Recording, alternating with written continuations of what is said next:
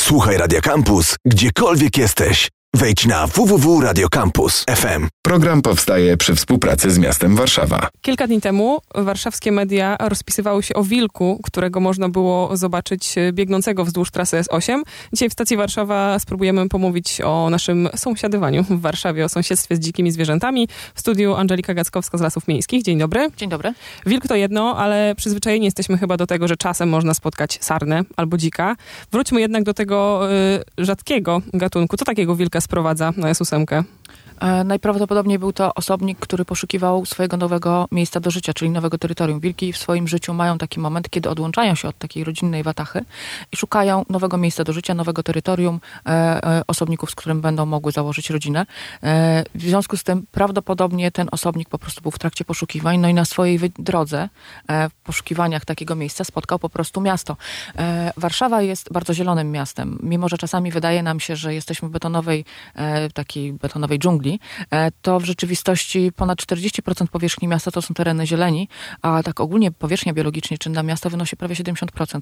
W związku z tym jest sporo miejsc, w którym, którędy e, dzikie zwierzęta mogą się przemieszczać i gdzie dzikie zwierzęta mogą żyć.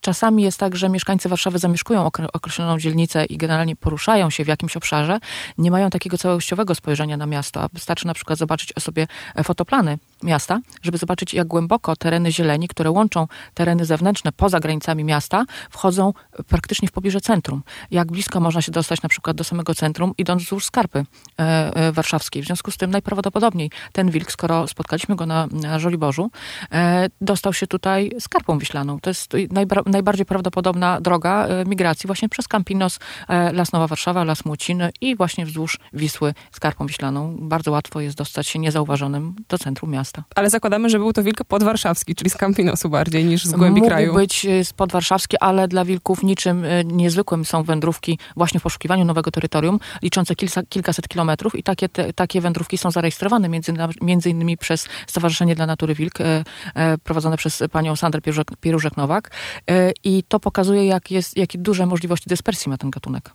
To do tego, co stało się z wilkiem na S8 Mhm. jeszcze przejdziemy, ale można wnioskować jakoś tak intuicyjnie, że czasami te pozostałe zwierzęta typu sarny, dziki Mhm. szukają jedzenia w mieście. Co jeszcze może je wabić w okolicy siedlisk? Generalnie w mieście dobrze radzą sobie te gatunki, które mają fizjologię przystosowaną do tego, jak, w jaki sposób my zmieniamy środowisko.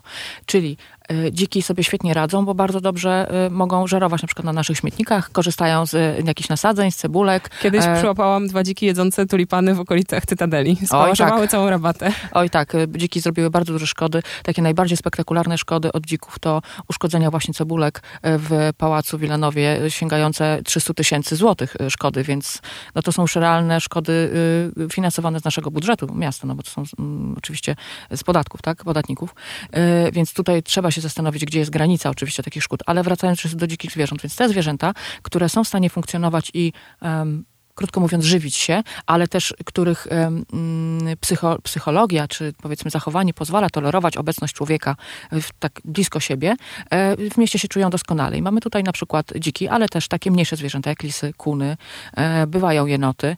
E, sarny, mimo że wydawałoby się, że będą miały dosyć trudne warunki, to jednak w tym mieście stale są dosyć, w dosyć dużej liczbie obecne. Była A- chyba taka słynna sarna w Parku Łazienkowskim. tak, była tak, znamy tą sarnę z Parku Łazienkowskiego, byliśmy na, kilkakrotnie na interwencjach, bo ona była kulawa, miała po prostu uszkodzoną nogę, ale nie w taki sposób, że wymagała pomocy, niemniej jednak wielokrotnie byliśmy wzywani do tej sarny e, po to, żeby być może udzielić jej pomocy, więc znamy ją doskonale i znamy jej historię. E, także to też pokazuje, jak bardzo te zwierzęta potrafią zmienić swoje zachowanie i dostosować się do warunków, które im tworzymy, bo mm, często w naszym, w naszym, w takim powiedzmy publicznym, czy w takim ogólnym pojęciu na temat zwierząt, wydaje się nam, że one są bardzo wrażliwe na, na nas, czyli na to, w jaki sposób my przekształcamy środowisko. I po części tak jest. Czego na przykład dowodem są chociażby wróblowate, które zniknęły z terenu Warszawy, no bo nie mają, ziarnojady nie mają tutaj po prostu jedzenia, bo to, w jaki sposób przekształciliśmy tą zieleń, powoduje, że one nie mają źródeł pokarmu. E, Ale jest cała inna grupa gatunków, chociażby krukowate, które świetnie sobie radzą w mieście, e, ponieważ my stwarzamy takie warunki, które są dla nich odpowiednie albo możliwe do tolerowania. E, to jest e, niesamowite, jeżeli patrzymy tak na zwierzęta w Warszawie całościowo, e, bo pokazuje plastyczność, możliwość dostosowania się poszczególnych gatunków. Nawet taki bocian czarny, który zawsze był uznawany za bardzo płochliwy i gatunek, który absolutnie unika towarzystwa człowieka, okazuje się, że może próbować polować na, swoje, na, swoje, na swój pokarm, czyli na jakieś inne mniejsze zwierzęta w Dolinie Służewieckiej, w Potoku, tak? Więc naprawdę to, to, to jest fascynujące, w jaki sposób ten świat zwierzęcy przenika się z, nam, z naszym, I, a my pędząc codziennie do pracy, wracając z tej pracy, gdzieś stojąc w korku, jadąc autobusem, chodząc ze słuchawkami na uszach w lesie, nie mam w ogóle świadomości, jakie bogactwo nas otacza. No ja właśnie sobie słuchając uświadamiam, że chyba też mam jakąś taką, taki mechanizm w głowie, że myślę o tych zwierzętach, że one się tutaj pojawiły przypadkowo i już nie wrócą. To znaczy, jeśli spotykam dzika, to myślę sobie, że on chyba się pomylił, mm, przyszedł sobie zjeść Absolutnie. i zniknie. A Absolutnie właśnie, on wróci. On, on, tu, on tu mieszka. On to, tu jest mieszka, jego, no to jest jego miejsce życia. Te zwierzęta po prostu tutaj mieszkają, e, trochę zmodyfikowały swoje zachowanie, zmniejszyły ten dystans, dystans ucieczki do człowieka, e, ale po prostu tutaj mieszkają. To są mieszkańcy miasta i to my, tworząc miasto, projektując miasto, rozwijając miasto i sieć połączeń drogowych, yy, tak naprawdę definiujemy im warunki życia. I myślę, że przy takim rozsądnym gospodarowaniu terenami możemy połączyć, oczywiście nie stworzymy tutaj y, rezerwatu idealnego dla wszystkich gatunków zwierząt, ale możemy umożliwić tym zwierzętom życie w mieście w taki jak najmniej kolizyjny sposób y, z człowiekiem, bo jednak to w przypadku interakcji to zwierzęta najczęściej padają ofiarą chociażby kolizji drogowych, y, utykają w ogrodzeniach, zawisają na płotach. No to są takie najbardziej spektakularne akcje, kiedy na przykład musimy ściągać łosia z porozżywanym brzuchem z ogrodzenia, bo ktoś nie wpadł na pomysł, żeby zrobić ogrodzenie od góry płaskie, tylko zakończone szpikulcami, zamontował, no i tak się to kończy. Ptaków to chyba już nikt nie liczy, które się odbijają. Ptaków nikt nie liczy, yy, a więc, więc, yy, więc po prostu wystarczy czasami trochę rozsądnie, troszeczkę ustąpić z tego miejsca i postępować po prostu rozsądnie, na przykład chociażby nie, nie wyrzucać śmieci byle gdzie, patrzeć, czy ogradzać swoje posesje w taki sposób, żeby te zwierzęta nie mogły tutaj e, do nas wchodzić tak bardzo blisko. Czyli nie zapraszać się, tak prosto. Po prostu ich nie zapraszać. Rozumiem. Rozsądnie zajmować tereny i nie zapraszać tych zwierząt, nie nadmiernie ich nie oswajać i myślę, że jesteśmy w stanie funkcjonować w miarę bezkolizyjnie wtedy. A jak się z nimi konfrontować? Znaczy chyba najlepiej się nie konfrontować, ale myślę po prostu, co robić najlepiej... widząc statko dzików. E, nie panikować, przede wszystkim nie panikować, ale też nie, nie, nie uważać, że to są zwierzątka. E, ja mam, często się zdarza, że mam e, różnego rodzaju wykłady lub prelekcje dla, dla, dla różnych grup i pokazuję, mam taki, tak, tradycyjnie kilka takich slajdów z, z, różnymi ujęciami zwierząt i pytam, czy one są dobre, czy one są puszyste, miłe, może groźne, może są szkodnikami, bo, bo y, często przyklejamy łatki zwierzętom właśnie w taki sposób, że te, te ładne według naszych y, wzorców czy naszych standardów są określane jako dobre, miłe, puszyste, kochane, słodkie. Te, które akurat nam zryły ogródek, no to już są szkodniki. E, oczywiście wilk, wilk jest przewspaniały, kiedy biega sobie w Bieszczadach, ale kiedy już biega za naszym płotem, to już niekoniecznie niekoniecznie, budzi w nas jakieś inne emocje, więc raczej powinniśmy tą, bardzo bym sobie życzyła, żebyśmy te emocje w ocenie obecności zwierząt yy, i w ocenie, i w tym, w jaki, w jaki sposób te nasze emocje przekazują, prze, przenoszą się na nasze zachowania, żebyśmy byli w stanie te emocje trochę powściągnąć. Jeżeli widzimy stado dzików, no to po prostu nie krzyczmy, nie, nie szczujmy ich psem, e, ale też nie podchodźmy, nie karmmy, po prostu trzeba zrobić dwa kroki w tył i spokojnie odejść, obejść to statko, bo tak naprawdę nie jesteśmy w stanie przewidzieć, e, co może te dziki spłoszyć i w którym momencie on, one naszą obecność potraktują jako zagrożenie dla siebie, bo wtedy mogą, mogą stać się niebezpieczne w ogóle w takim momencie, kiedy zaczynają, kiedy mają młode, a ten czas się teraz zaczyna, kiedy lochy zaczynają już się wypraszać. W związku z tym po prostu zachowujmy ten dystans taki jakiś, taką trochę pokorę do, do tych zwierząt, do, do ich y, miejsca w tym mieście, ale też nie ma sensu ich infantylizować albo się niepotrzebnie bać. No, tylko, że to wymaga tak zdobycia takiej minimalnej wiedzy o zwierzętach, a chyba tego czasami w przestrzeni publicznej, w takiej dyskusji, która jest strasznie nacechowana emocjonalnie, bo tak przerzucamy się z takiego użytkowego traktowania zwierząt na kult otaczający zwierzęta. Nie ma czegoś takiego pośrodku, takiego bez emocji racjonalnego podejścia. To by było najważniejsze. Takie podkreślenie właśnie świadomości, że te zwierzęta są, określenia też na jakie szkody możemy sobie pozwolić, czy na jaką ingerencję tych, albo na jakie ustępstwa możemy sobie pozwolić, co będzie dla nas jeszcze akceptowalne, a powyżej jakiej granicy powinniśmy już zacząć reagować, na przykład ograniczać liczebność, bo takiej dyskusji w przestrzeni publicznej nie ma. Ona jest niestosowna, to jest no, coś niewłaściwego, o czym nie chce się słyszeć, ale, ona, ale taka dyskusja byłaby potrzebna, bo też musimy sobie racjonalnie powiedzieć, ustalić, na to pozwalamy, na to nie. Tu jest miejsce zwierząt, tu jest nasze miejsce i co robimy na tym miejscu styku są tacy jeszcze środkowi aktorzy, czyli zwierzęta, ale domowe, warszawskie, Mhm, które mhm. też wchodzą w konfrontację z na przykład tymi napotkanymi dzikimi. Tak, i teraz to jest też szczególnie niebezpieczne w kontekście wścieklizny, która jednak w Warszawie i w okolicach jest obecna. I, i to, co mnie bardzo zaszokowało, to pomysł na to, żeby nie szczepić swoich zwierząt na wściekliznę, bo rzekomo szczepienia na wściekliznę są obciążające dla zwierząt. Czyli Być- ruchy być może- antyszczepionkowe dotarły tak, też. tak, do tego, do tego Mhm. obszaru, ale, ale to chyba osoby, które się wypowiadają w taki sposób, zapominają, po co jest ta szczepionka. Ta szczepionka nie jest po to, żeby zwierzę nie zachorowało na wściekliznę. Ta szczepionka jest po to, żeby to zwierzę, chorując na wściekliznę, nie zaraziło nas. A choroba jest śmiertelna, rozwija się dosyć szybko, e, stosunkowo szybko i jeżeli nie zareagujemy bezpośrednio po pogryzieniu czy po kontakcie z takim zwierzęciem chorym, to nikt, nikt nam nie pomoże. I o ile naszą uwagę zwróciłoby zwierzę dzikie, które podeszłoby do nas w lesie, e, czy na przykład próbowało nas zaatakować, a mieliśmy takie przypadki dzikich zwierząt, które pokąsały ludzi albo pró- próbowały atakować ludzi, lisy. Mieliśmy nawet przypadek sarny, która się okazała finalnie wściekła, która też ata- atakowała ludzi. To jest nietypowe zachowanie, ale na przykład naszej uwagi nie zwróci wiewiórka podchodząca do nas w parku. Absolutnie. Mhm. Nie? Albo naszej uwagi nie zwróci kot, który wrócił ze swojej wycieczki codziennej, yy, no i który nas, no ma taki zwyczaj, bo raz w miesiącu na przykład potrafi nas drapnąć. I nas drapnął. Czy u, u, ugryzł, tak? Gdzieś z, z, po prostu naruszył naszą skórę, a on może być wściekły. O tym po prostu nie pomyślimy. I takie zwierzęta, które, co do których nie mamy takiej wyostrzonej czujności, mogą również przynieść nam tą śmiertelną chorobę, która, podkreślam, jest dla nas śmiertelna. I o ile w Polsce w ostatnich latach były, były chyba tylko dwa przypadki, e, ale też ta wścieklizna była tak dosyć mocno ograniczona. Takich przypadków wściekłych zwierząt było kilka, czasami kilka rocznie w Polsce. Mm, To są rejony na świecie, gdzie wścieklizna naprawdę zabija ogromną ilość osób. E, Więc to nie jest e, coś, co możemy traktować z lekceważeniem.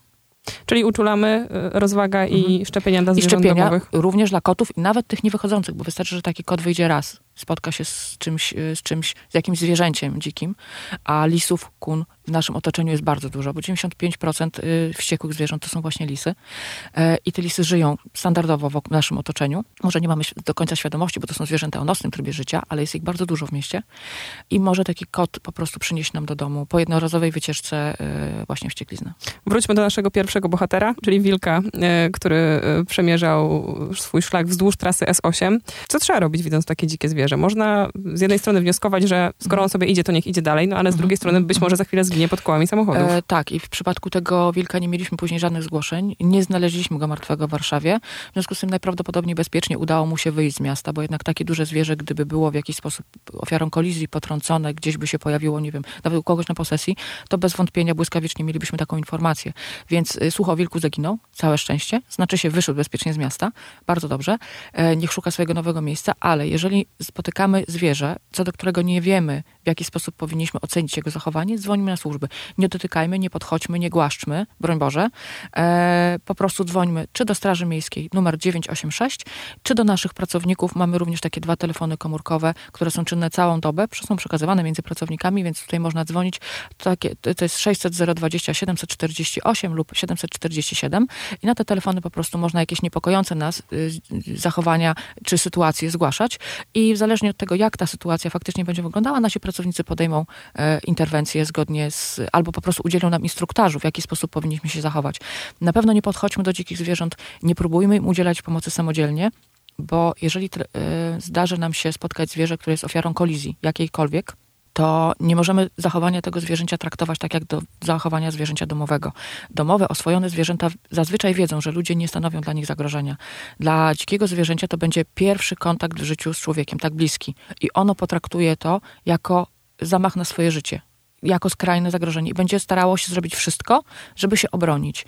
Sarna może człowieka zabić. Po prostu ma bardzo ostre e, racice. E, może tak machając nogami, po prostu usiłując uciec z jakiegoś miejsca, po prostu człowiekowi poprzecinać tętnicę. E, dzik może zaatakować człowieka, może ruszyć, ma bardzo, bardzo duże kły, może też dotkliwie człowieka pokaleczyć. Więc y, trzymajmy psa swy, zawsze na smyczy. E, nie podchodźmy do takiego zwierzęcia, nie próbujmy mu udzielać pomocy samodzielnie, bo po prostu zazwyczaj no, nie wiemy, jak to, jak to zrobić i no, nie ma problemu. E, tylko zostawmy to służbom. Jeśli to zwierzę mm, jest chore, zajmą się nim specjaliści, są Tak. szanse, że trafi do ośrodka rehabilitacji zwierząt, bo taki funkcjonuje na terenie Warszawy. Tak. Czym się zajmuje? Taki ośrodek funkcjonuje, prowadzi, prowadzą go też Lasy Miejskie Warszawa.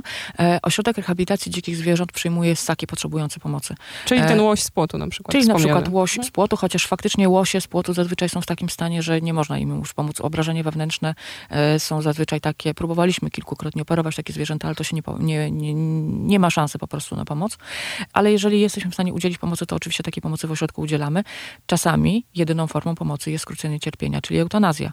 Bo pamiętajmy, że zwierzęta, które w jakiś sposób ucierpiały, czy w jakiś sposób są mm, poszkodowane, w pierwszym odruchu zawsze oddalą się z tego miejsca. Jeżeli nie są w stanie się oddalić, są na tyle mocno pokiereszowane, to wtedy może my mamy szansę je po prostu złapać, więc już te ci nasi mali pacjenci trafiają do ośrodka w niezbyt dobrym stanie, e, więc, e, więc ośrodek nie ma 99% e, przeżywalności, tak jak na przykład mają szpitale ludzkie, tak? Ale to trzeba wziąć poprawkę na ocenę tej przeżywalności, która oscyluje w okolicach 60% na stan zwierząt, które do nas trafiają.